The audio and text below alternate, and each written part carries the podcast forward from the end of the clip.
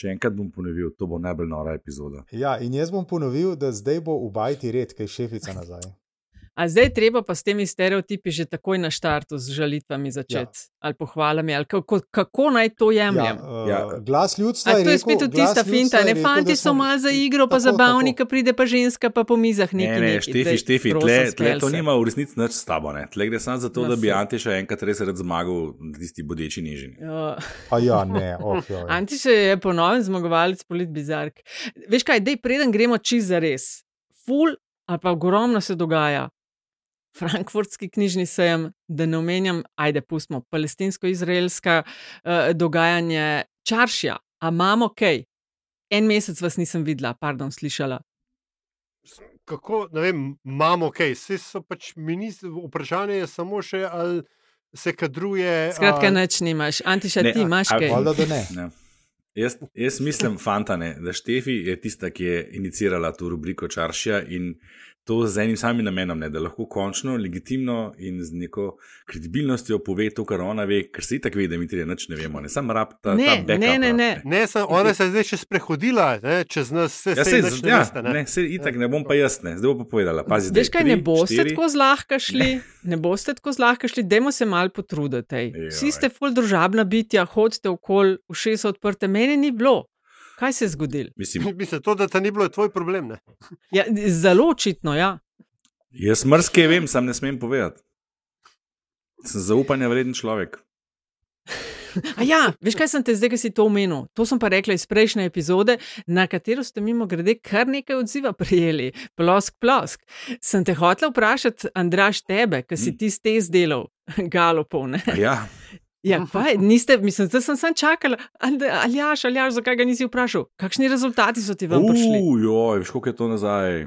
To je pa uf, uf, uf. Ampak tako čist na pamet bi rekel, da po mojem strategy, strategy analytics, uh, ideas, creativity, tle nekje sem bil jaz. Mislim, vse ne. mislim, sej, a sem mogel to na glas povedati. mislim, točno to.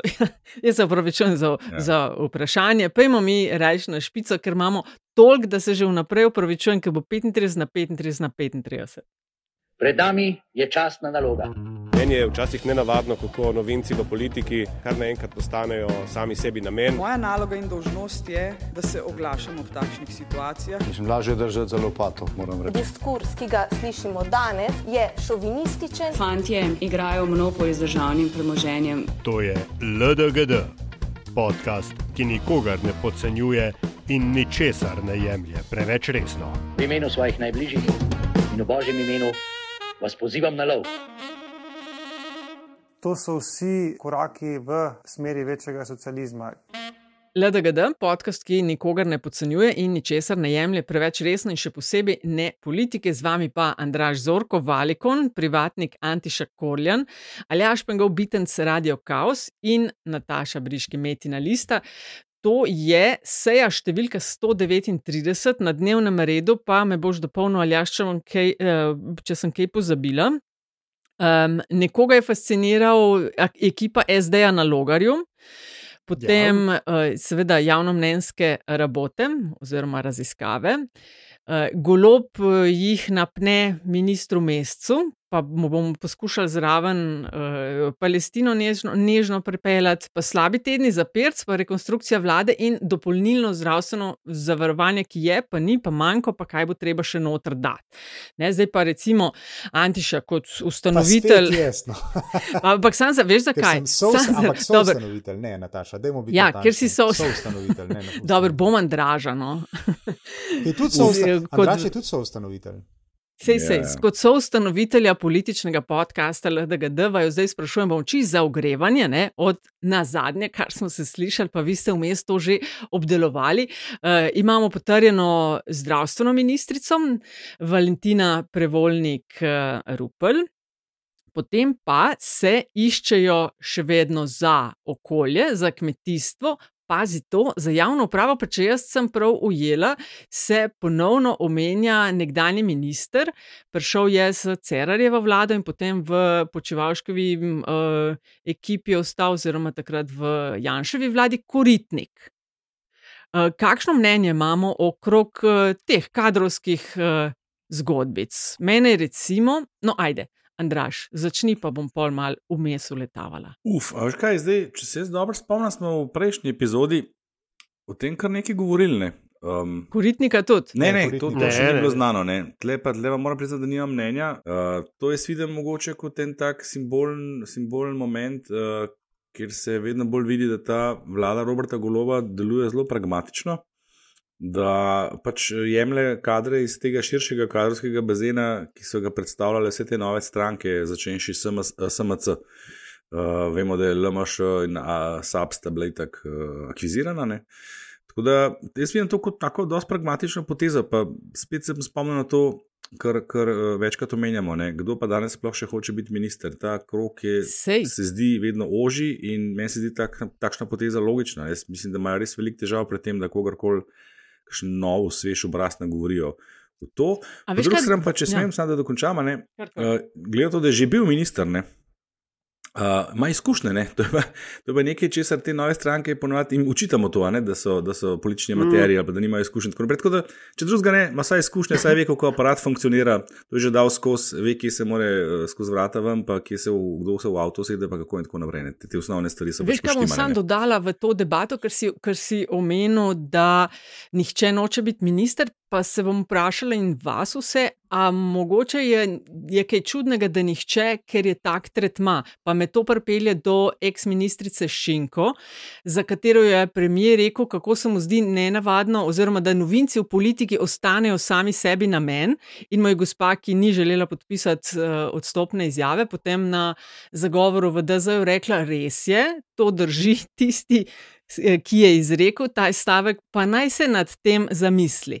Tako mal grobjanski pristop se mi zdi do ljudi, s katerimi se razidejo. Ali, ali se motim, Antiša, kako ti vidiš vse skupaj? Ne samo do ljudi, s katerimi se razidejo, pač pa tudi do ljudi, s katerimi uh, boš sodeloval v nedefinirani prihodnosti, kako dolgo, namreč in ga imaš za podpredsednika vlade. Ne? Jaz bi tukaj upozoril na tretma, ki ga je bil deležen uh, Luka Mesec, podpredsednik vlade, ministr za Mhm. delo, družino, socialne zadeve in uh, mislim, da enake možnosti od, uh, od predsednika vlade.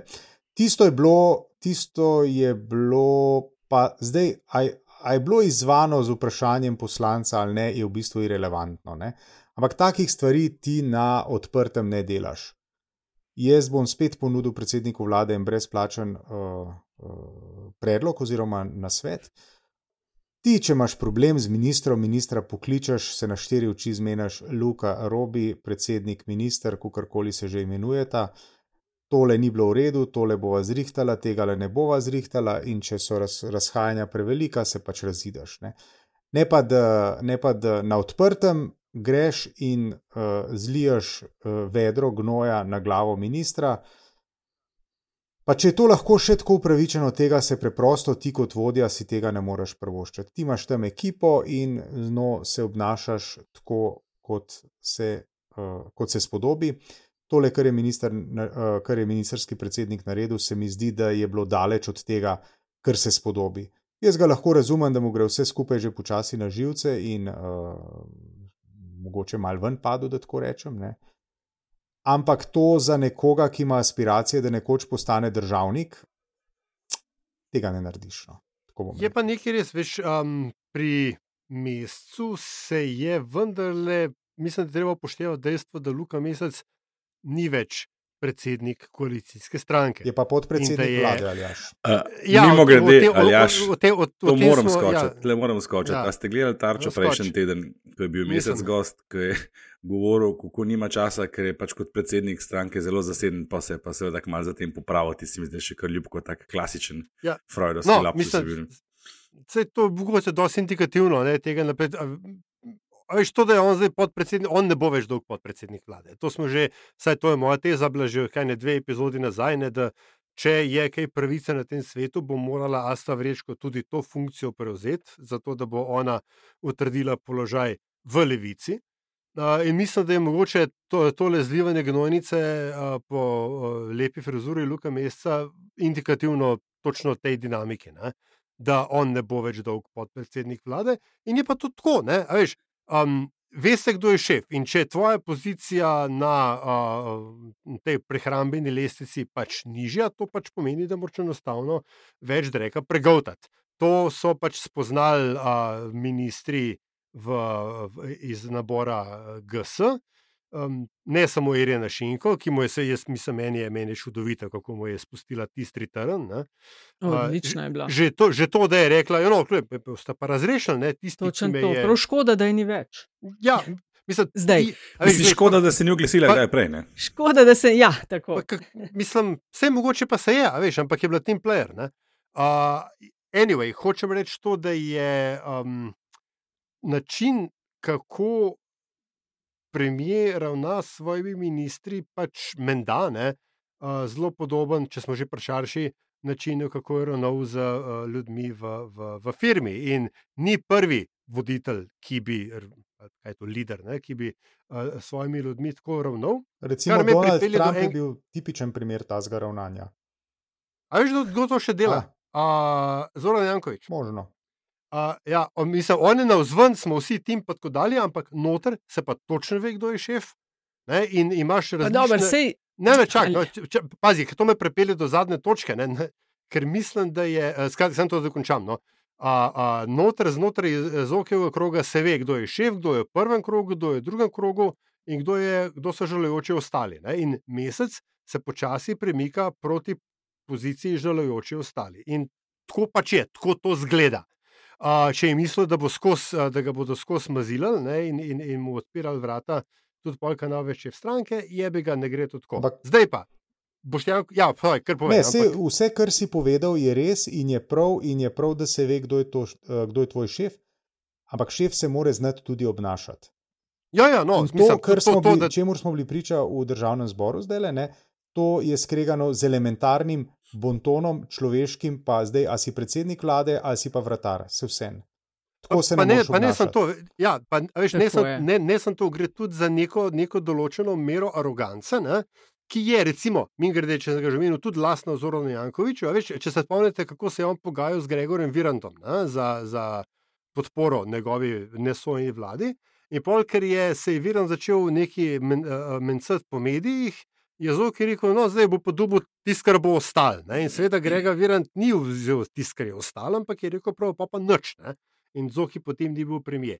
Skratka, zakaj to, ko Zoki govorim? Ker mislim, da se je. Da je eden od razlogov, zakaj je Boštjan Koritnik kar naenkrat resen kandidat za ministra, tudi v mestni občini Ljubljana. Boštjan Koritnik je kandidiral za uh, mestnega svetnika na listi Zorana Jankoviča, bil izvoljen in je, to je večina ljudi pozabila, trenutno podžupan mestne občine. No, tega, tega nismo glede leadershipa bi jaz.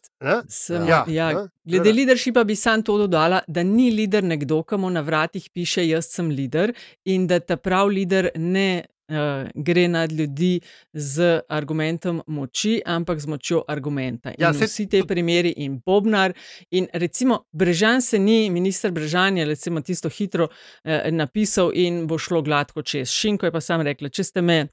Že prosili, da bom ministrica, in sem šla skozi državni zbor, bom pa še tukaj šla čez, in kaj je dobila iz uh, hišnih bendov, takoj porcije. No, dobro, sam pa veš, kaj, Brežan je tudi, on je pa posvestno povedal, kaj, kaj je zadnji. ne. Če kdo zna brati med- vrsticami, je tam noter tisti izjavi vse Pri povedal. koritniku je. Morajo- Mogo, ja, prosti, ja, Ja. še izvoli. Ne, kar pove, kar Ne, pove. pri koritniku je mogoče dobro vedeti, uh, on ni bil Cerarjev minister. Ne? Cerarjeva ministrica za javno upravo, mislim, da je bila Ksenija Klamfer. ne. Uh, Mhm, in mhm. on je prisegel kot, uh, in to je bil edini njegov uh, vladni mandat, kot Janšev minister. Ne?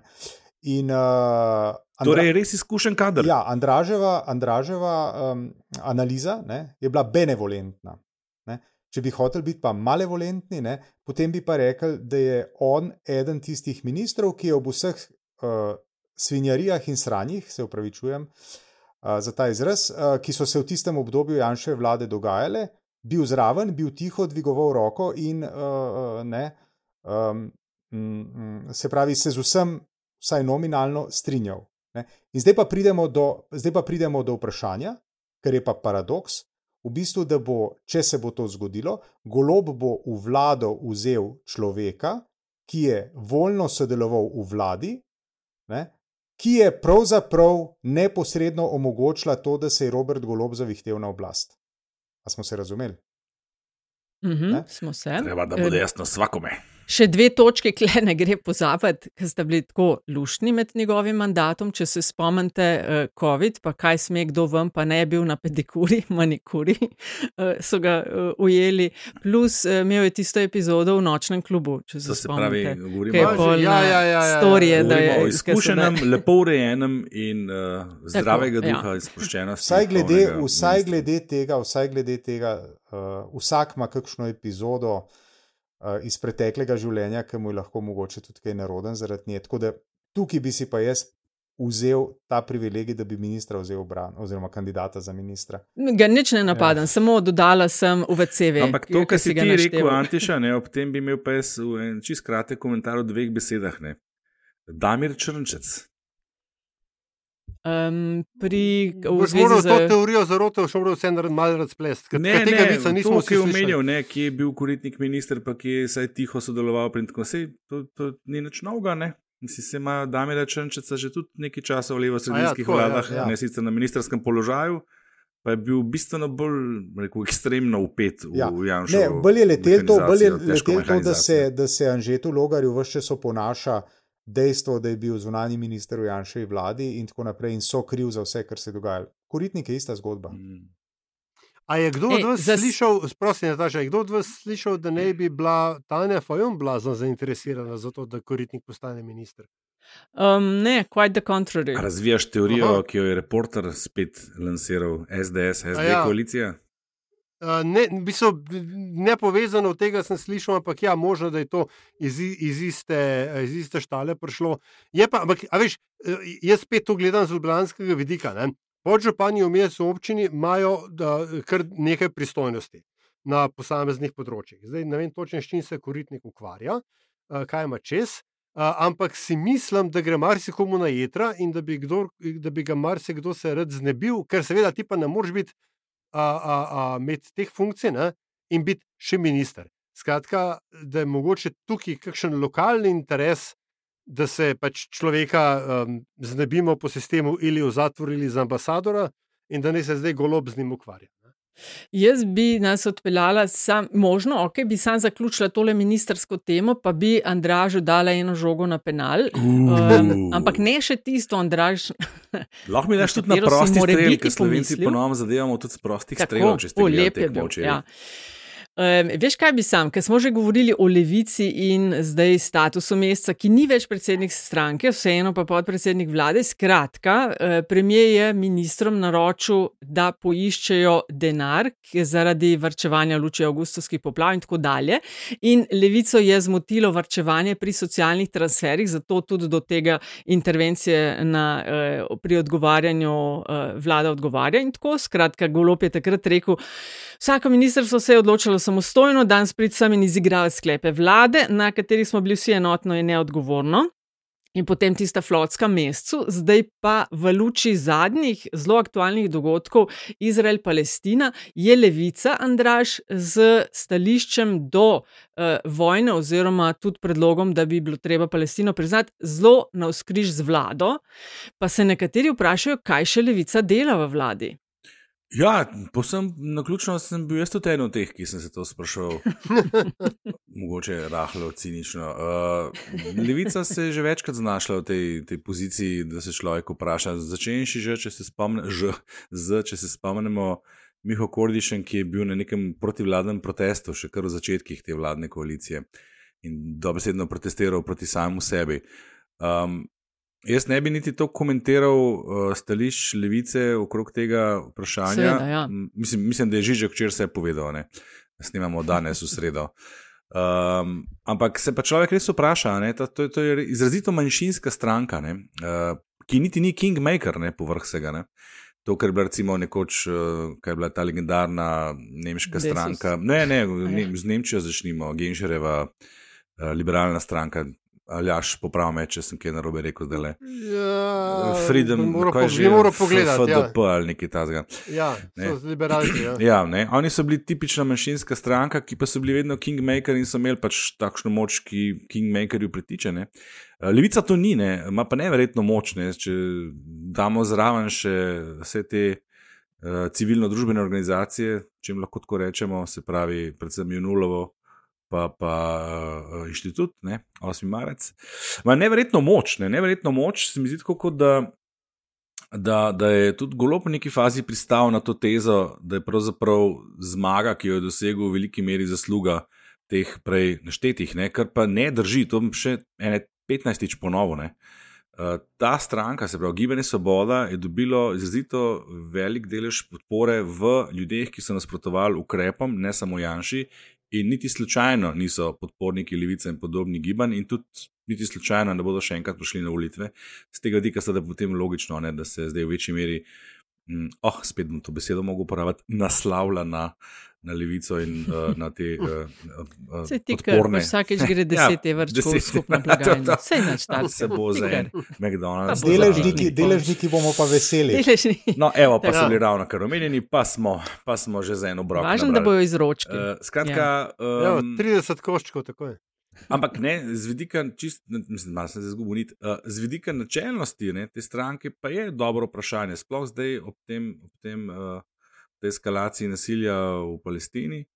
Uh, kaj ta stranka še počne v tej vladi? Ne? Ker res mislim, da je tu kar velik problem. To je veš, na nek način, kot si prej Antiša razlagal. Ne?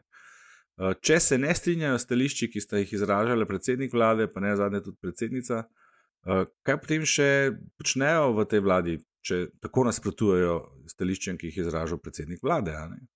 To je na nek način podobno kot uh, si prej govoril za koritnika. Ne? Torej, ti saj m, potiho podpiraš to, kar je on rekel, in si popolnoma naskriž s tem, kar sicer na svojih uh, stališčih uh, gradiš, govoriš in ne na zadnje loviš voljivca. Ne? Tako da, vprašanje je res na mestu, kaj levica še počne v vladi. Kje je levica bila? Ama kdo? Jaz vem, da na vrhu ima težave gibanje Svoboda, ampak spet so v zadnjem tednu te um, javnomnenjske raziskave kažejo, da ljudje, občinstvo, slovenci in slovenke niso najbolj zadovoljni z uh, vlado oziroma s tem, kar počne gibanje Svoboda in mislim, da so iz prvega mesta padli, vsaj po eni raziskavi. Um, na vrh se je zavihtel logar, imamo tudi prvaka iz Kočevja, ki se. Ki ga moramo vsaj trikrat omeniti. jaz Jaz sem prvi. Eno leto Vladimir pa pol Prebilič. sem vam. Eno leto pa pol sem vam povedala, in zdaj samo što ni premije. um, skratka, um, ustvarjanje javnega, a se dogaja ustvarjanje ali merjenje javnega mnenja. Jaz moram sicer reči, da vsakič mi mal živc pade po tleh, če bi bile volitve jutri. Volitve ne bodo jutri. Ne? In je tako dost deplasirano eh, tista merjenja, čeprav neke podatke pa vsem dajo, kje smo. In ljudje niso zadovoljni. Verjetno mali igra to eh, menjavanje ministrov, eh, ne vem, kako in kaj po poplavah. Sem opazila, seveda, da je bilo kar veliko slabega PR-ja za vlado, oziroma še posebej za premijer in gibanje Svoboda, in so toliko bolj veselo skočili na predsednico ob zadnjem lapsusu za mejci. A ste opazili? Ja, Kako ne bi? smo. Kako ne bi Je opazili? bilo mal, ne? Ja, ja. No, dajmo. Ja, Rada javno daje žogo na penal. Ne? No, Ja, ne, se- zdaj- Sej so se, mi, mislim, veliko tega, kako bi temu rekel, izkoriščanja neizsiljenih napak je bilo že pri tej sceni z zastavcami v, na, v Parku Zvezda, ne, kjer je predsednica izletela na čestino dvakrat, je premijer in njegov, njegov gitprop urad. Ne, Sta uh, takoj predstavljala lonček, ne, češ, ne, ne, seveda je prav in tako dalje, absolutno mladi, ne, kar naprej, kar tako naprej. Tako dalje. Zelo ostri in Tako- zelo hitri. Ja? Tako, ja, zelo, zelo gmajno je bilo vse skupaj. Uh, Pričemer, ja, tako kot si rekla, ima premije, ne, tako, nima sam slabega tedna, on ima fucking slab mesec. Ne. Tole res ni v redu.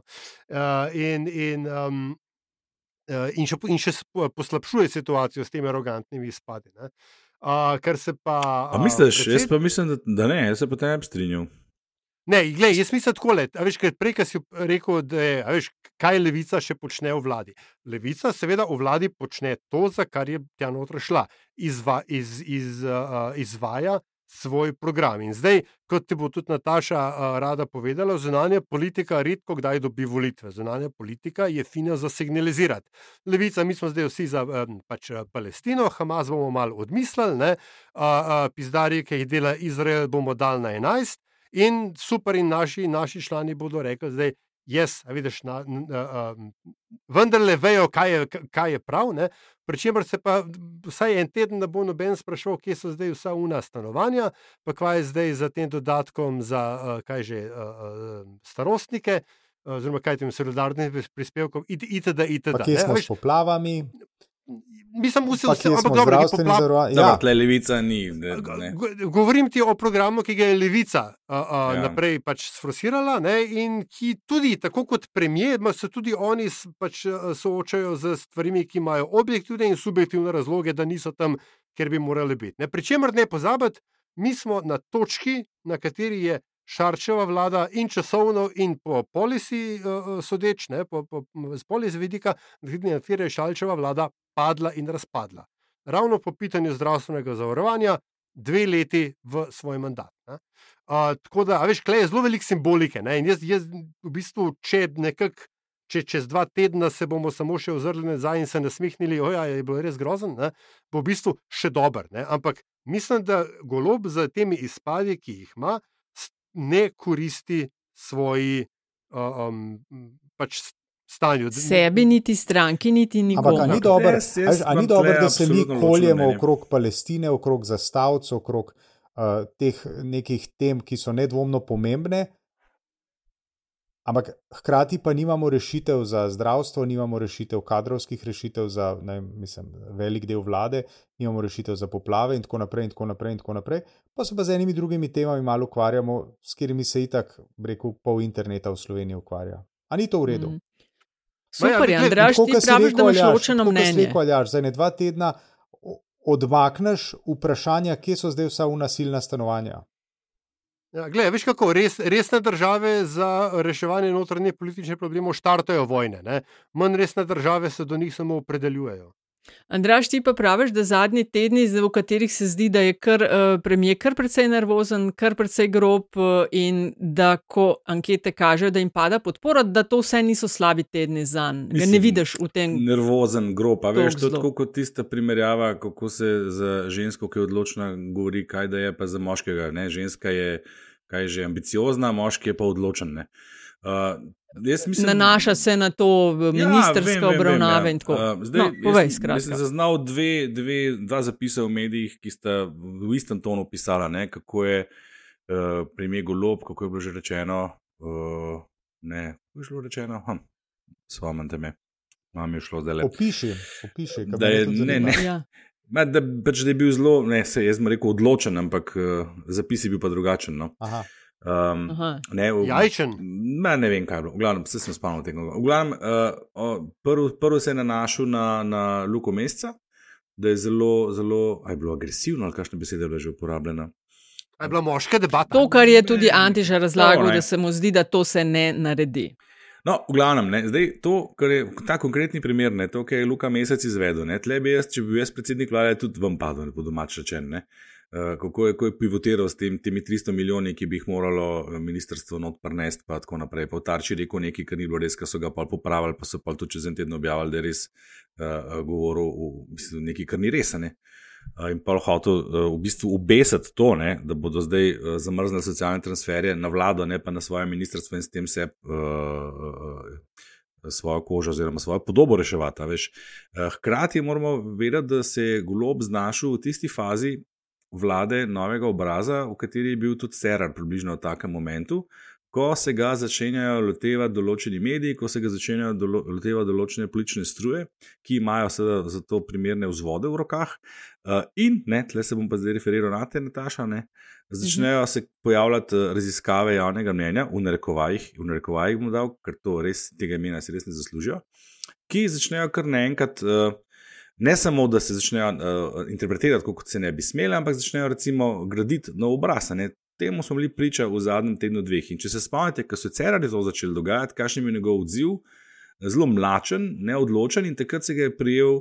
Potem, ko malo naziv tudi uh, Cmer, vzdelek. Uh, potem so pa to reševali z izrazito nespretnimi PR potezami, uh, spet omenijo tisto uh, slavno basketaro, prvestni milek. Uh, Uh, in jaz ta odziv Roberta Goloba razumem v tem kontekstu. Ne? On pač je odločen, je, absolutno je odločen in trenutek je bil to prav, ne? ker če bi tu popustil, ne, bi šel pa res lahko še moče na vzdolj. Ker to, kar se je zdaj zgodilo v določenih medijih in z določeno agencijo za spet na narkovanje merjenja javnega mnenja. Uh, Uh, je, je točno to. Oni so kar naenkrat dali noter Vladimirja Prebeliča, ki se je uvrstil na tretje mesto. Uh, direktor te agencije je to pojasneval, češ ja, uh, v odprtih odgovorih oziroma v predlogih so nam anketiranci predlagali tega kandidata. Dajmo gospod Damenič na mizo podatke, take, ki ste jih dobili, pa dajmo pogledati, koliko je bilo teh navedb. Nik, nikjer, nikoli, nihče ni tega objavil. Jaz to pač počnem že 20 let in ne vem, kako to zgleda. Teh predlogov v uh, raziskavah dajo anketiranci. Eh, relativno malo, recimo, da jih da, ne mogoče 5 do 10 odstotkov. Če delaš telefonsko raziskavo, je tega izrazito malo. Torej, govorimo verjetno o dveh ali pa treh navedbah in verjamem, da ni bil edini, ki je bil predlagan kot tak. Zakaj je potem točno Vladimir Prebelič prišel v nabor za merjenje, je treba plačati svojega gospoda, ki vodi to agencijo. Druga stvar. Oziroma, Nataša uh, Briškine, itak. Mislim, no, jaz sem tako eno leto pa pol nazaj povedala, meni se zdi let pa pol prepozen. No. Druga stvar ne, je potem pa recimo interpretacija teh podatkov, ki so bili pa zdaj in z te sredi te agencije in še ene druge objavljeni, ne češ, kako pada podpora vladi in kako pada podpora stranki Gibanje Svoboda. Ne. To in ne še, še več, ne, uh, en časopis, to mislim, da je bil dnevnik, si prvošil celo to interpretirati kot začetek negativnega trenda. Ne. Temu pa lahko rečemo ustvarjanje javnega mnenja, zdaj pa, ker si mi že tole prej žogo napenal, dala bom izkoristil, pa bom še eno minuto do dve uporabo, moram nujno to povedati. Ne. Kaj je ustvarjanje javnega mnenja? Ustvarjanje javnega mnenja je tako rekoč vsaka javna mnenjska raziskava, ki ljudi sprašuje o stvarih, o katerih oni ne razmišljajo, na način, na katerega oni ne razmišljajo, in jim po možnosti ponudijo še določene odgovore, med katerimi izbirajo, ki noben od njih v resnici ne odraža njihovih stališč. To je v osnovi tisto, kar se učita javno mnenjskim raziskavam, da se reče, da ustvarjajo javno mnenje in dejansko to drži. Ne, skratka, če ti počneš to, kar sem ravno opisal. Ne. Druga stvar je to, kar sem Taša omenila. Če bi bile volitve prihodno nedeljo, niso prihodno nedeljo, o tem smo že večkrat govorili. Taki rezultati so popolnoma irrelevantni in tudi zanj sem interpretiral za, za en medij. Uh, tudi če je zdaj razlika, ne vem, 4-5 točk napram SDS-u, če bi bile volitve to nedeljo, bi, bi, bi Golobova stranka zmagala, zato ker imamo še vedno in mogoče še nikoli tako čistih pogojev za pojav taktičnega glasovanja, anti-janša glasovanja, kot so trenutno uh, ustvarjeni. Skratka, absolutno to, če zdaj le SDS vodi v anketah, ne pomeni, da bi ta stranka zmagala. Kaj se pa pol zgodi, ne? potem pa pride ena interpretacija in članek v dnevniku, ki razlaga, uh, ki govori o trendu padanja podpore, ne? kar je pa spet totalno zavajanje oziroma ustvarjanje javnega mnenja. Ne? Namreč, ko govorimo o trendih, je treba pogledati vsaj tri zaporedne časovne točke, da lahko začnemo sploh govoriti o tem, ali se tle kaže nek trend ali ne. In če bi pogledali samo tri, štiri, pa niti ne, tri časovne točke nazaj, bi ugotovili, da je podpora vladi natanko takšna, kot je bila pred poplavami. Skratka, interpretira se padec glede na tist, tisto rast, ki se je zgodila takoj po poplavah, ko so bili ljudje pač preplašeni v šoku. In v takih razmerah se vsi radi zatečejo, ne vsi, nekateri pač očitno, eh, k eh, državi, vse mogoče državi, ki bo vse rešila. Tisti rast podpore in, in golobu, in stranki, in vladi je bila takrat pričakovana, logična in je tudi eh, s temi skladnostnimi pričakovanji potem upadla. Ampak da ti potem interpretiraš ta padec kot začetek negativnega trenda, je pa dejansko stvarjanje javnega mnenja. Malo sem se razkuril, skoraj kot žiže kočiri. Ampak take stvari je treba ja. večkrat na glas povedati, ker točno tako se začne in zato jaz razumem odziv Roberta Goloba, ki je po mojem mnenju na mestu. Na take stvari se treba pač odločno odzvati in to on počne. In to ni ne nesramno, ne moško, ne, ne vem kaj. To je pač odločen odziv nekoga, ki so se ga zdaj že vzeli na tarčo, točno določene skupine in struje, ki so začeli ustvarjati v bistvu vse pogoje za to, da bi ta stranka čez dve leti klavrno propadla, kot vse ostale, in v upanju novega obraza začele na nek način že to, to početi, celo predčasno. Viš, jaz imam tukaj pa diamet, ampak res diametralno nasprotno mnenje, kar se tiče reakcije Roberta Goloba. Ne. Jaz sem pa prepričan, da je Robert Golob s to reakcijo v državnem zboru pokazal svojo šibkost, ne pa moči. Absolutno. Tudi jaz bi se pridružil zakaj, temu zakaj, mnenju. Če smem ja, samo uh, na krajši način, kot je to naredil Andraš, ne, argumentirati. Ja, jaz, jaz sem se zelo dolg, Andraš, s tabo sem se zelo dolg strinjal do trenutka, ko, ko, uh, ko, uh, ko, ko je imel tako kavili resnik. Ne, je Imel, na koncu sta imel dve poti, Robert Golop. Ne. Ena je, da Luka ta meseca pokliče in reče: Še enkrat bom ponovil. Zdaj pa une svoje tam v državnem zboru, pa Asto vrečko pokliče in reče: Zdaj, dajte pa umiriti, da mi ne skače v hrbet, ker če mi bojo skakali v hrbet, pa se začnemo pogovarjati o tem, ali ste vi še uh, člani te vlade.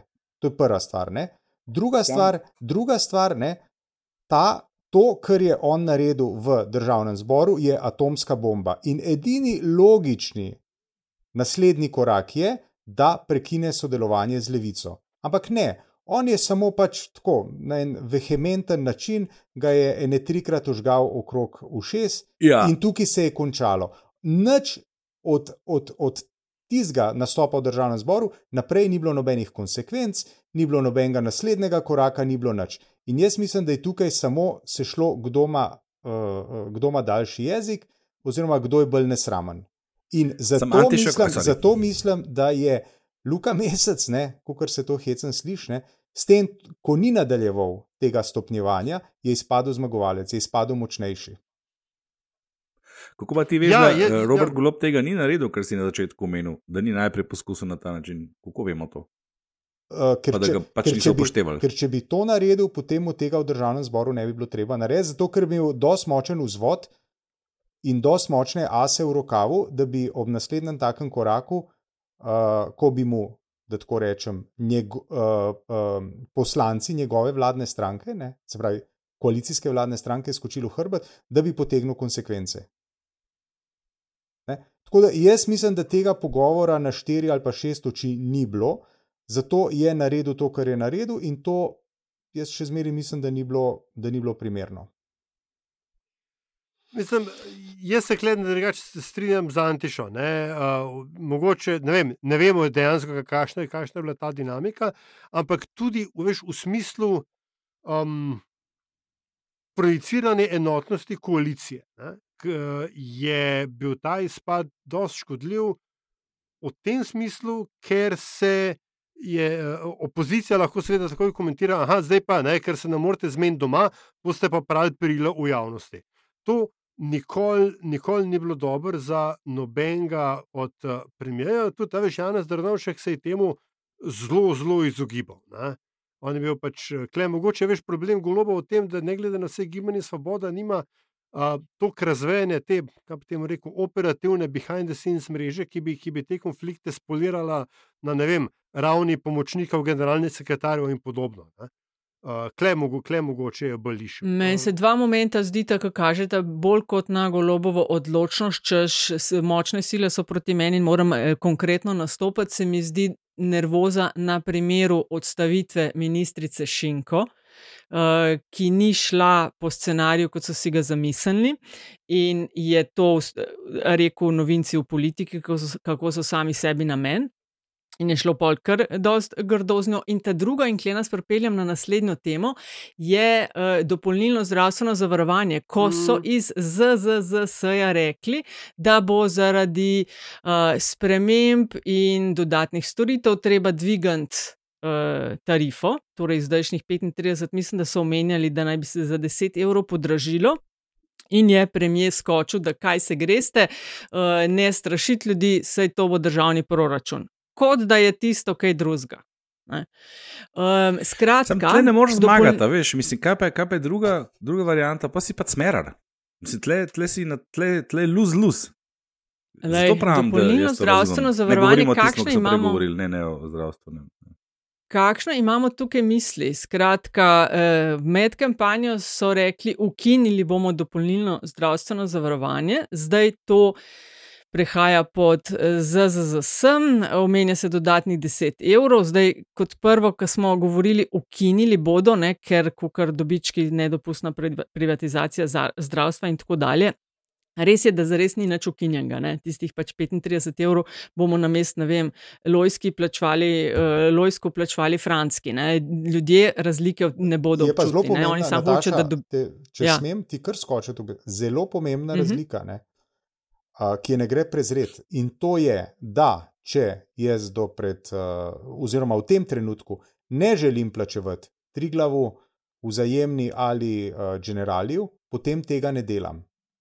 Po novem letu ha, bom moral teh 10, oziroma 35, oziroma 45, bom moral plačevati. To je zelo pomembna razlika. Ne? Dobro, prosti, sem kle, kle mogoče tole mislim. Sam, lej, na koga bo na koncu to padlo? Samo, ker je uh, 98 odstotkov uh, prebivalcev Slovenije ima to doda, dopolnilno zdravstveno zavarovanje. Ker brez tega nikamor. Ker, ker, brez tega, ker je, namreč jaz sem nekaj časa bil brez. Uh, in uh, nikomor ne bi prvo šel te izkušnje, ker je dosti bedno, ko priješ do zdravnika in ti rečejo. Um, 300 evrov, prosim. Ne? To pa stane. Ne, ne, to je klino, ampak sem. Ne, ne, se ne, ne, ne, ne, rečejo, gospod, vi pa niste. Hiter je 300 evrov. Ja, ampak, for, ampak fore, fore v tem, tukaj gre predvsem, se mi zdi, za političen strel v koleno. Tukaj je Nataša rekla, v končni fazi je vse, komu plačaš. In zdaj, če je bilo res vredno, res vsta halo, zato da tri zavarovalnice skupaj nimajo tiste 60 milijonov profita, ja, prav, v redu. No, tudi, čeprav se mi zdi, da skles, pač preveč dela so se dali delati, ampak ajde. A, problem je v tem, da problem je naslovno točki, ko so rekli, ne bo dviga. Ne? Tako je bilo, to je zdaj. To je bil v bistvu razlog, da so, No. da so to Tako, prenesli. to, Ko točno ne to. smete No, tako, dvigati, bomo to so- prenesli. Ne? Levica bo rekla na no. koncu, mi smo ukinili dopolnilno zavarovanje. Na koncu bomo No, pa ljudje ZZZS je rekel, 10 evrov več, to, kar so zasebni itak hoteli narediti. ne. Eto, Oziroma, Pred pol leta so zavarovalnice govorile, da bodo pa zaradi višanja cen storitev, Saj, ampak pa vključevanja enkrat novih ugibati, storitev kdo bo paket. kriv, a A ne? me slišite Sorry, vi? sorry, Nataša. A Dajmo- enkrat ugibati, kdo bo kriv. a ne. ne, me- Nataša, mi to vsi slišimo, Ne, samo Ja, nobenega ko ne kar zanima, nekaj začnete govoriti, pismo, kada sem Mas- zitno. Razvadili smo se. Skratka, zavarovalnice so pred pol leta na zadnje rekli, da bo eh, zaradi višanja cen storitev, pa vključevanja teh nekih novih storitev, paket treba podražiti. Vzajemno je tako rekla Triglav, General je pa za teh 10 evrov že spomladi, mislim, da podražil. Ne?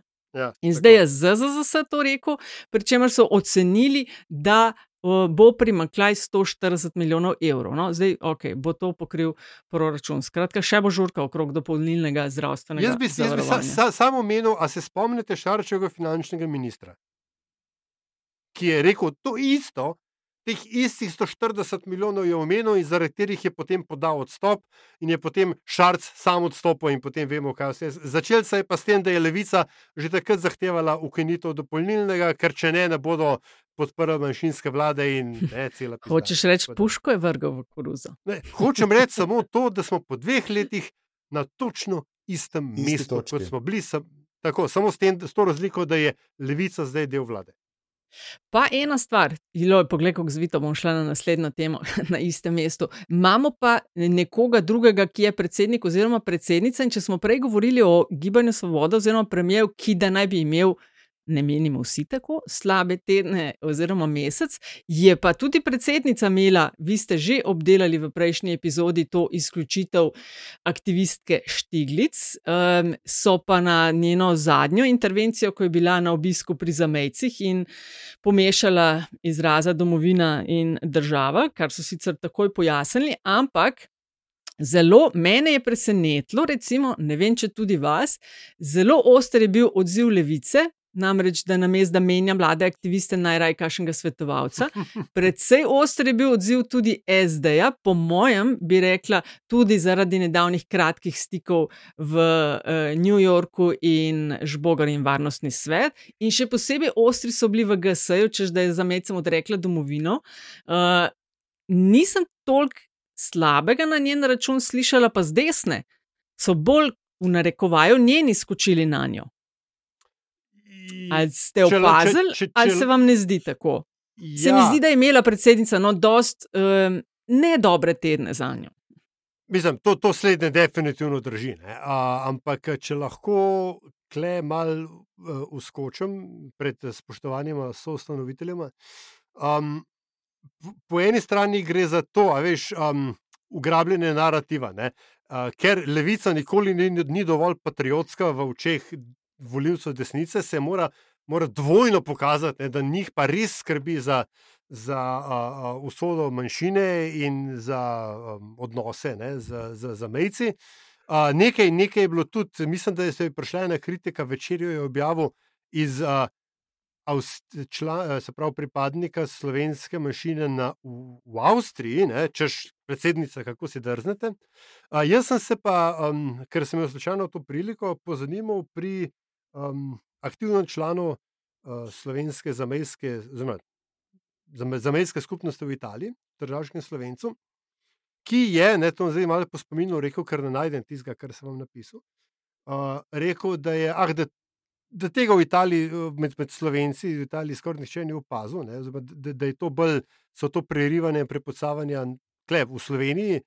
Uh, da v Italiji je tako, da edini, ki imajo res slabo vest, so uh, tisti bolj desničarski član, pripadniki uh, zamejske skupnosti, ki pa so morali po zakonu in ustavi uh, priseči uh, domovini Italiji, zato da imajo državne službe.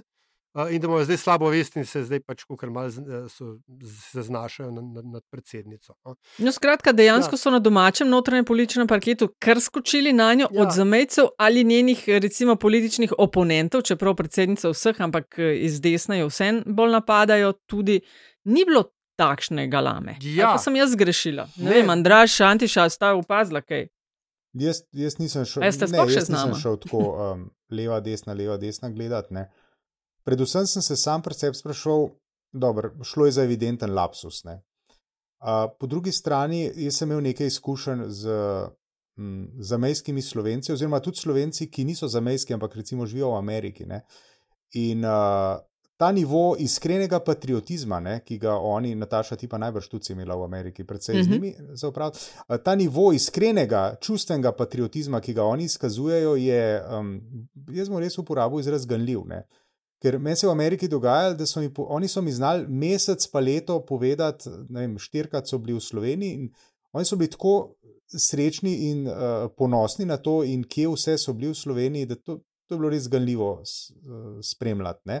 Mhm, A, podo mhm. in zelo podobno, zelo podobno je tudi uh, med zamejskimi slovenci, tukaj na Tržaškem ali pa na Goriškem. Ne. Njim ta Slovenija res ogromno pomeni.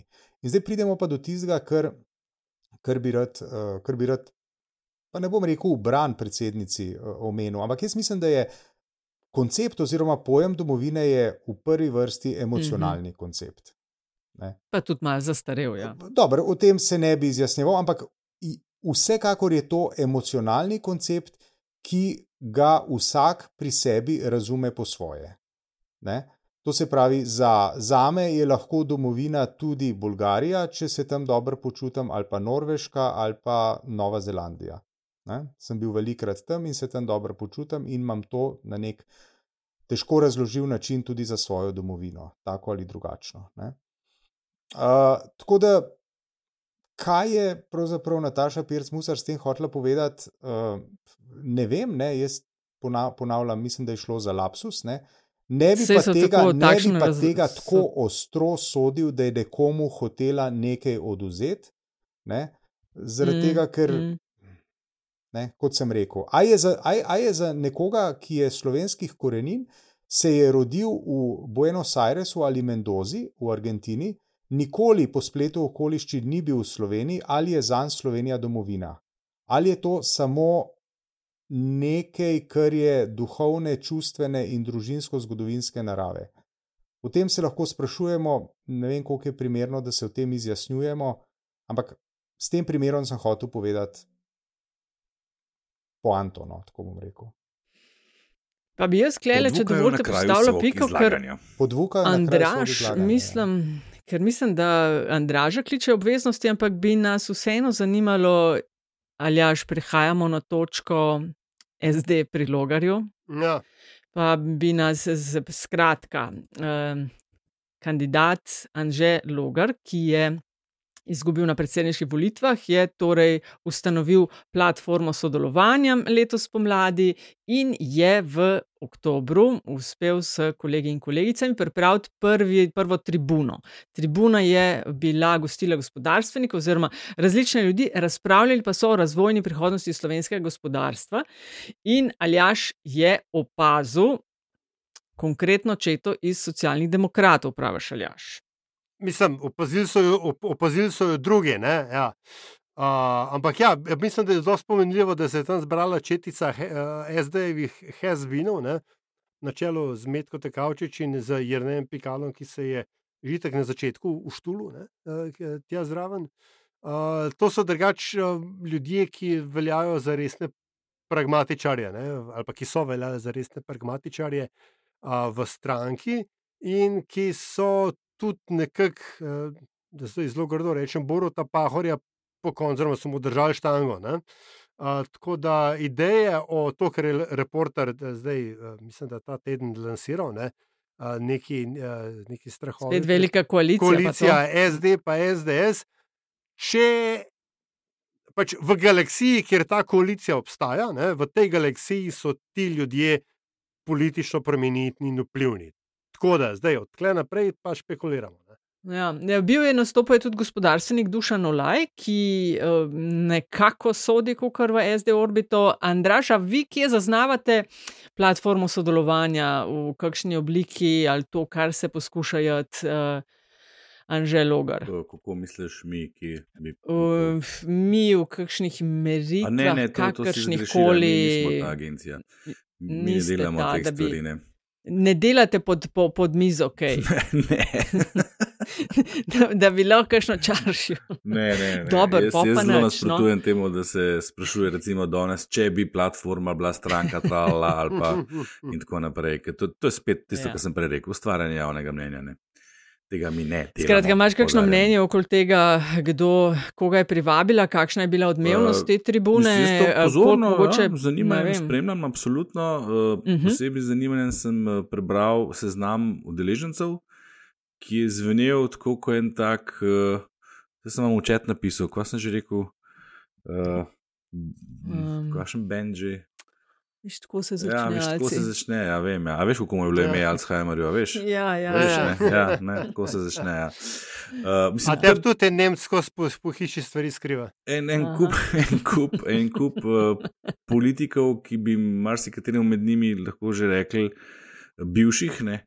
Uh, nekih bivših ministrov, ministric, ali kaj so vse bili, se je tam znašel, tako malo mal hecna, zbirka. No? tako bom rekel. Ne. Sploh ta naveza z SD je nenavadna, ampak če jaz prav razumem, gre le za eno od ne vem koliko že kril v SD-ju, ki si očitno uh -huh. išče nove poti do kruha, uh, morda tudi skozi to platformo. Jaz ne bi šel tako daleč, kot je ta uh, reporterjev zapis bil. Ne. O koaliciji, o kateri se sicer že kar nekaj let govori. Že 15-20. Večkrat smo ja, ja. tudi mi poudarjali, da, kako, da na lokalni ravni tudi dejansko obstaja v določenih predeljih države. Meni deluje to tako, kot pač, da so se tam zbrali ljudje, ki v bistvu trenutno čist ne vedo, ne vedo dobro, kaj pravzaprav bili, pa kam bi šli. Ja, tako, ja, tako neki ta zgaj. Da, Kaj pa če so tam? Mislim, da je ta, da je ta forum v bistvu uh, mal znižal, uh, ne morem reči, ugleda, ampak uh, saj potencial te platforme, ki je na začetku delovala zelo potentno. Ne. Zdaj pa mislim, da je ta forum, da, pa, da, pa ne, da, ta, ta, da je šel pa mal drugo smer, da pa tle mal zgubla na moči. Aha, imaš, da malo zmanjkuje vetra v jadra. Kaj pa če so sam pogumni bili, pa si upali iti pač na neko debato, kjer so neki ljudje, ki so, ne vem, na no, ja, mislim, pozicijah, ki so dosegli, s tem, ker je koljašne. Ne šljivi od tega, kdo jih bo v kakšen predalček dajal. Tako, ker je koljašne, brez posleni, imajo cajt, pa so šli tja. Ja. Nekdo jih je končno nekam povabil. Ne. Pa je bolj zanimivo to, da je v SDS-u kar nekaj nervoze. Ne. Češ, kaj zdaj, dajmo se zmeniti, pa zdaj s tem logarjem. Ne. Tako da vprašanje je, koliko ima kle to, kakšno prihodnost. Kot je Andrej rekel, najprej nekaj se je blazno, nekaj se je zelo pripravljalo, ne, eni ne vihti, pa ne lo pa se skapneč. Ja, ja prezgodaj je strčal, po mojem. No? ali pa prepozen, ali pa prepozen. Pol pa nič, ne, pol pa dajmo piko postaviti razen Antiša, če tebe še tišči karkoli povedati, preden gremo na točko politbizarka. Mene nekaj tišči, čeprav se mi mudi, pa bom vseeno mogel tole narediti, da ne. Prej sem razmišljal, ko ste se pogovarjali še o predsednici, pa nisem toliko veliko sodeloval zraven te debati. Uh, a, a, a ste opazili, kaj se dogaja zadnje čase? Uh, ali pa če se spomnim, kako, kako se je začel konec šarčeve vlade. Uh, jaz mislim, da se ustvarjajo počasi pogoji za to, da se že da se že delajo priprave na naslednje volitve, dvomim, da prečasne, ker je pač uh, moč eh, GSA le prevelika. Ampak neš, tisti zanesljivi znanilci ne, tega se pa že pojavljajo. In en od njih je tudi to, da je Janša začel govoriti o tej vladi, kot o tej, da je že končala svoje delo, nekaj podobnega. Zanč omenil, ni, ni omenil tiste uh, besedne zveze, da je politično truplo. Ne. Ampak, ko imaš ti na eni strani te neko kar dirigirane napade uh, na, uh, na, na vladajočo stranko skozi določene medije, ko imaš notranje spopade te ravni, ki smo jih prej komentirali, in ko imaš potem še vodjo opozicije, ki začne govoriti o koncu te, te vlade, potem jaz mislim, da so se že začele določene politične sile pripravljati in ukvarjati z naslednjimi volitvami, kar kaj pa se to pomeni. Da smo že na nek način vstopili v, bistvu v predvolilno kampanjo za volitve 2026, in vemo, da se v takih obdobjih pa ne stori veliko v dobrobit naroda. A veste, kaj, ja, veste, vem, kaj te... mi štirje ja. si lahko prpnemo uh, na reverje ali na une epolete, si lahko prpnemo priznanje, ne, da mi pa nismo del tega vala, ker mi štirje ne, smo pa na stvari, ki jih bodo morali narediti, in stvari, ki jih ne bodo smeli delati. Ne, smo pa upozarjali, kaj je bilo dan po volitvah. Mm. Ja, je bilo v emergentni epizodi. Ja, ja. Takrat, takrat smo mi povedali vse, mislim, da se malo hvalim, ampak ok. Ne. Oziroma, nas brez lažnega hvala, vse smo so ustanovitelji mm. političnega podcasta. Ampak hočem, ne, eh, res to hočem reči. Ne. Jaz včasih, ko berem te stvari po medijih, eh, si večkrat rečem, ja, kje ste bili pa do zdaj? Ja, ja no, sej, o tem govorim. O tem govorim. Skratka, mislim, na mislim, nas, Vatikan, mi... pa komentarna, nimata vpliva, no? to je poanta. tako, tako, tako. Pa ne pozabite, da so vendarle evropske volitve.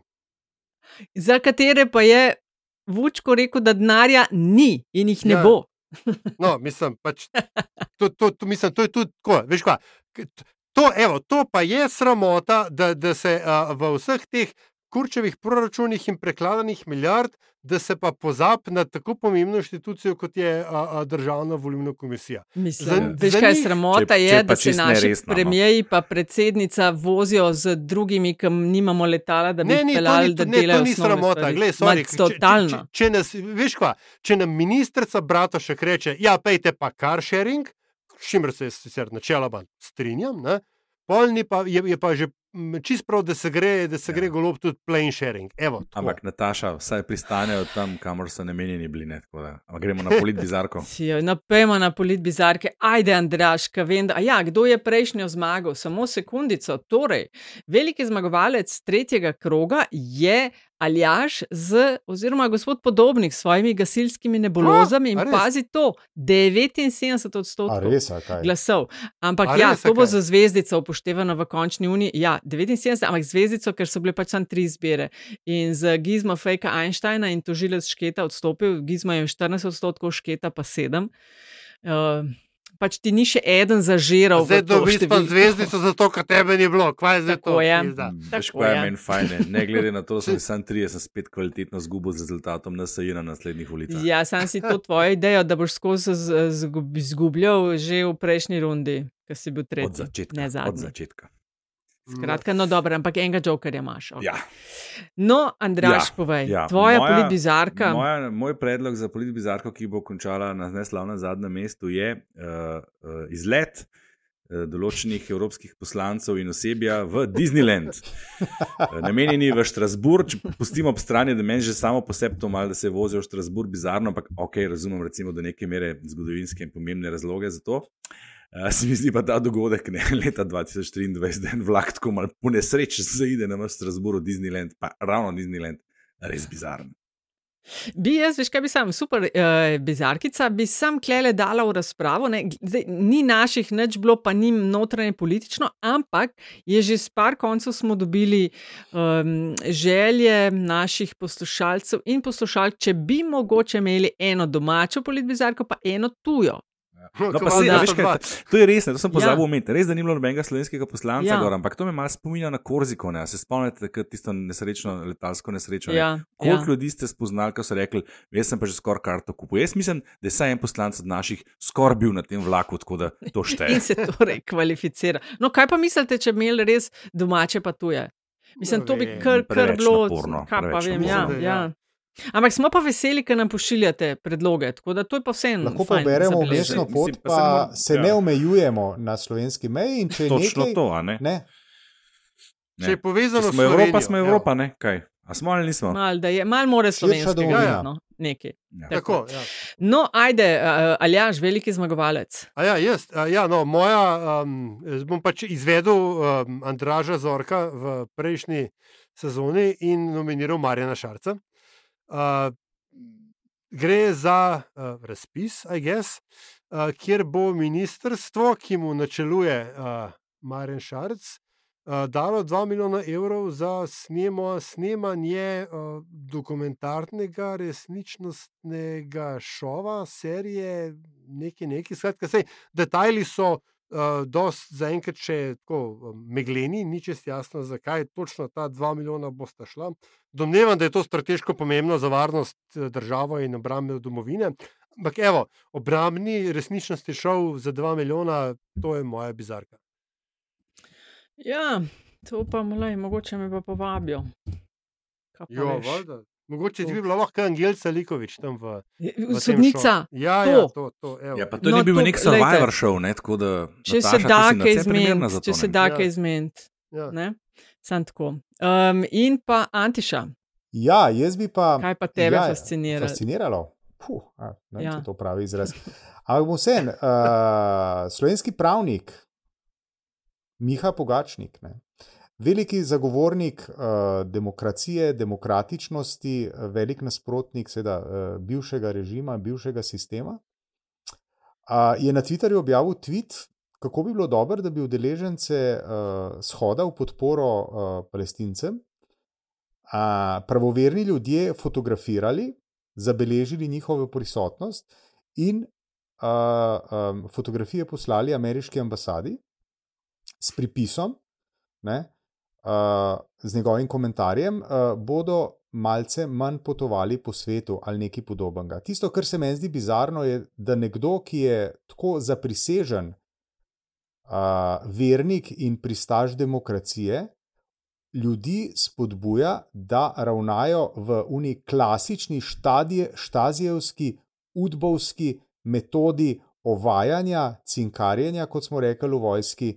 Uh, skratka, um, v, v totalnem nasprotju s tistim, kar sicer, bi rekel, Aljaš, virtue signaling izvaja v svojem siceršnjem življenju. Skratka, nekdo, ki je ki je uh, pravoveren demokrat, spodbuja ljudi, da so špicli, udbovci, štazjevci cinkar, in da cinkarijo ljudi okrog sebe. To je Mhm, Miha- ja, Miha Pogačnik Poslušajte nas. Ja. Ja. Poslušajte nas, kaj govorimo, sam ne gledati, kva delamo. ne. Mene tukaj sicer fascinira še nekaj drugega. Ne? Ta dom, Pogačnikova domneva, da američani tega že, že itek ne vedo. Ja. Tukaj je pa moment Pa za naivnost briga, ne. nastopil, veš, Ja. na njegovi strani, briga. ne na tvoji. Ja, no, jaz pa sem malo v dilemi, ne, ker mene je pa res kar tole razburilo, ta fotka z goloba z hrvaškim premijejem, ne, ker imamo ta naš Falcon je od 365 dni, tako 300 dni je v popravilu, na remontu, na servisu in pol naši fehtajo tisti, a imate kak zic frej in jih drugi peljejo. Predsednica pa to, mislim, na otvoritev frankfurtskega sejma preletela z nekim vojaškim tovornim lo- letalom. Tako, skratka. A ni ta- ona ful tako za te stvari? Mislim, kaj, da, da, da ti se z nekimi kariolami okoli prevaža, pa pol namontirajo zice, zato ker gre predsednik ali pa predsednica res ali pa ne. premije Če kukar. fly, za fly Skratka, no, ampak sorry. se. Mhm. Kar še, ja, fulja. Last minute sem se pa pol vseeno odločila, ne, ker mislim, da še nismo imeli, pa smo že o tem debatirali, namreč to naraščanje ocen poplavne škode. Pa je Benti na dva tedna gre za eno milijardo gor. Mesec smo zdaj že na desetih milijardah, ne vem, ne vem kako gre navzdol, ampak pri desetih milijardah in pol poslušamo o raznih potencijalnih nategancijah, ki se ob tem dogajajo, financiranje obvoznice, ki je sploh še ni, pa na seznamu škode alkohol, pa cigareti, pa neke hecne najemnine prostorov. Skratka, jaz nominiram to uh, naraščanje ocen poplavne škode za, za bizarko, zaradi tega, ker je res iz, iz tedna v teden gre za milijardo gor. Jaz mislim, da imamo zmagovalko. Ja, meni je Prosim. sicer to super, veš, to, da vendarle, ki sloven za voha, ki se ta denar dobiti. ne. Kaj bi lahko mi prijavili? Ja, Dajmo raje ja. o tem razmisliti. Ja, zavarovalniško ziher- škodo, ne ziher. Ziher je kje Sam, kaj neki, kar bi se dal. not. izkoristiti trenutek, ne, če, če sem že No, soustanovitelj. kaj? A, a, je- a je kdo opazil, da je bila, ko so prijavili škode, eh, ko so prijavili škode z občin, da je bila ocenjena škoda v Ljubljani večja kot škoda prijavljena z celotne krožke? Mislim, 212 občin imamo, v 200 teh so prijavili. Jaz se en dan po poplavah, ki so bile grozljive in to peljala od južnega dela Slovenije, kjer seveda so bile te krke in kolpe mal uh, narasle, ampak do medvod, do medvod, to je ura pa pol vožnje, nisem sem gledala levo, desno, nisem nič videla. Ok, nima to veze, ker so seveda ni vse na tisti cesti, na kateri se pelješ, ne? ampak kar tako mal hecno narašča ta škoda. No? Ja, pa- Vsem. Pa ni nekega denar- seznama. Denar je na voljo, ne, kaj bi zdaj. Ja. No, to raje razmislite, kaj bi lahko prijavili mi. Inflacija. Čeprav so je, roki Nataša, potekli, ampak ziher se bo. Vem, jaz, sem, jaz sem v četrtem štuku, med dokaj pa vendarle ni prišlo. A nam ni se kakšen mikrofon v, v vodo padel ali kaj takega? Ja, ja, kaj ta. Je. Je, Antiša. Valjda. Boš kaj roko dvignil ali Ne, menti. Zato je imel pa Mikrofon tak se ne slab zvok zadnje čase. Ampak Ja. zvok se No, je pejmo na zadnjih. Pejmo Ja, na zadnjih no, se bistveno 30. Um, kaj, ste vam, kaj ste nam tokrat pripravili, pa začnimo recimo tokrat zalažem, kaj ziha že redi. A bi Pa ne lahko reč, da je jaz, ki se mi res mudi, a lahko jaz, ki se mi res Dej mudi. to dej Ja, sem sorry, rekel. dej, Malo se dej. sedimo spredje. Sem že danes dvakrat omenil, sreda je, ko snemamo, včeraj je bil govor Žižka ob otvoritvi eh, knjižnega festivala, ki ga iskreno priporočam. Uh, moram priznati, da se, čeprav nisem nikoli veljal za patriota, pa skladno s tem, kar je Ante še prej povedal, domovina je tisto, kar čutiš, pa te dni res počutim kot slovenc, ker tako potentni, kot smo bili na področju filozofije in nogometa, hkrati nismo bili še nikoli. Uh, priporočam pa ta govor zato, ker verjamem, da bo veliko kritik in spet bo kontroverzen, je in tako sam poseb uh, in, in ocenjevanja in postavljanja za ali proti, ampak dajte si ga vsem poslušati in pogledati, da boste vedeli, če jim govorite. Pa res je vreden eh, prisluha in razmisleka, predvsem. Da se pa jaz poslavljam, lepo zdrav. Ja, hvala za sodelovanje. Adijo. No, Antiša, navali. Uh, ja, jaz bom priporočil nekaj iz uh, ponudbe TV Slovenija. V torek zvečer 20:35 je bil, uh, mislim, da slabih 45 minut dolg, 55 minut dolg uh, dokumentarec, francoski, mislim, da je, z naslovom Druge sanje Martina Lutra Kinga. Okay, jaz ne vem čisto dobro, zakaj so ga dali zdaj. Ne? Gospod je bil rojen januarja, umrl je aprila, uh, marč na Washington je bil, uh, je bil avgusta, če se ne motim, ampak dobro, se nima veze. Zelo zanimiv, uh, zelo poveden dokumentarc o uh, vodilnem borcu za uh, človekove pravice temnopoltih v Združenih državah Amerike v 60., 50. in 60. letih. Uh, toplo, toplo priporočam v ogled. Uh, Zelo primerno za skupen ogled s kakšnim, uh, recimo, pubertetnikom, pubertetnico, ki ga družbene zadeve zadevajo in zanimajo. Tisto, kar pa me je presenetilo, no, to pa mogoče samo kot medklic, ne, je pa naslednje, ne, da se je očitno v zborni izreki uveljavil kot dovoljen izraz za temnopolte črnci. Nekoč je bilo to, če se jaz prav spomnim, prepovedano. Očitno ni več. Hvala, Antiš. In Aljaš, ali rabiš še kakšno minutko? Uh, ne, jaz Se je bom, Star Trek, a, veš. Ja, ne, ne, ni, čeprav mi še vedno ni jasno, kako so lahko komendarje tako je tako bilo v zadnji sezoni, v zadnjem delu zadnje sezone Enterprise. To je bila res sramota. Ampak ne, ni Star Trek. Jaz bi samo uh, v bistvu omenil, no, da vsi tisti, ki leta 2023 uh, ugotavljate, da imate težave z sklanjanjem ženskih priimkov po tretji ženski sklanjatvi, uh, bi samo rekel, wake up and smell the fucking coffee, ne? ker uh, teh, tega lastninjanja preko, preko priimkov, pa čeprav vem, da je slovnično dovoljeno, uh, ni pa zapovedano in je bilo tega lastninjenja vendarle že počasko. A se je kaj zgodilo v zadnjem času, da se je nov val tega? Uh, Ja, nekaj mi aha. je preletel, tako mim grede spet nekaj, tako da lej, no, bi se, tako, res prav fucking 19. Ja. Ja. stoletje, no, dajte že nemir. V redu, le jaz pa v tednu in dneh, ko smo imeli polne ekrane nogometa, predlagam fajn dokumentarno serijo v štirih delih Beckham na Netflixu. Uh, razkriva zasebno življenje superzvezdnika, zakon in razmerje s Posh Spice, temu je kar nekaj časa namenjenega, pa njegova nogometna karijera. Vse, kar je usvojil v pritiski javnosti, medijski paparaci zgodbe, od malih nog do zdaj, ki je v bistvu solastnik kluba Inter Miami, kjer zdaj igra Leo Messi. Skratka, čistko, fajn, fajn, tak en Rodeo Drive, Pretty Woman, um, ta znamenita ulica, kjer je bila ena od scen posneta in seveda, ker si Sposh Spice, je kar velik tega modnega in tudi on, Pekam je veljal za enega tašnega zelo um, modernega nogometaša, nekoga, ki ni samo na nogometni, na nogometnem terenu briljiral, ampak tudi uh, izven njega. Tako da Beckham na Netflixu, štiri deli, lahko bi bilo še več, seveda ne povejo čisto vsega, ampak je, je fajn gledanje. No. Tako da to je Dolgi to. smo bili. Dolgi Ja. smo bili in. Ja, klele bi bilo se sam zahvaliti za, vse- za vsem, ki so zdržali z nami do konca, in hvala vsem, ki nam pošiljate komentarje in vprašanja. Vse preberemo in imamo poseben file. Jaz bi predlagala, a zmoremo zdaj. Ne. Jaz mislim, da ne. Ja. Ne.